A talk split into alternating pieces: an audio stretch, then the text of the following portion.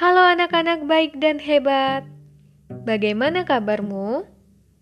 Selamat ya, kamu sudah sampai di episode ke-8 audio podcast pembelajaran memahami teks berita dengan ceria. Di episode ke-8, kamu akan memahami teks berita melalui unsur keempat teks berita. Unsur apakah itu? Iya, unsur keempat yaitu unsur who atau siapa. Persiapkan dirimu dengan baik untuk menyimak materi pembelajaran ini ya.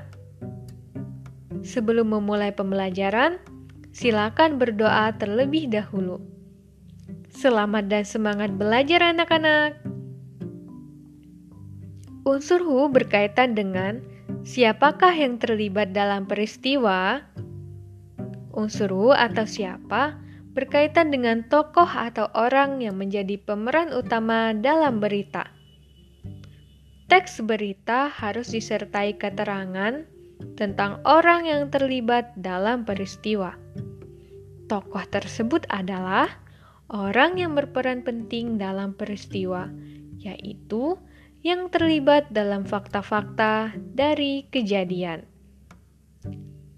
Orang yang terlibat dalam peristiwa dapat bertindak sebagai pelaku dan dapat bertindak sebagai korban.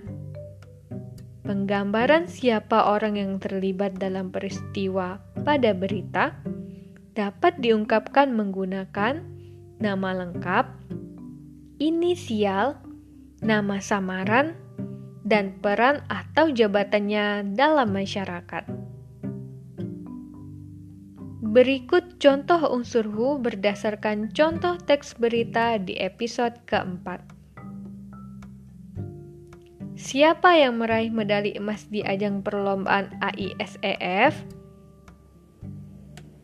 Jawabannya Mirza Sabita Wafaana dan Muhammad Faris Kausar, siswa kelas 9 SMP 1 Kudus.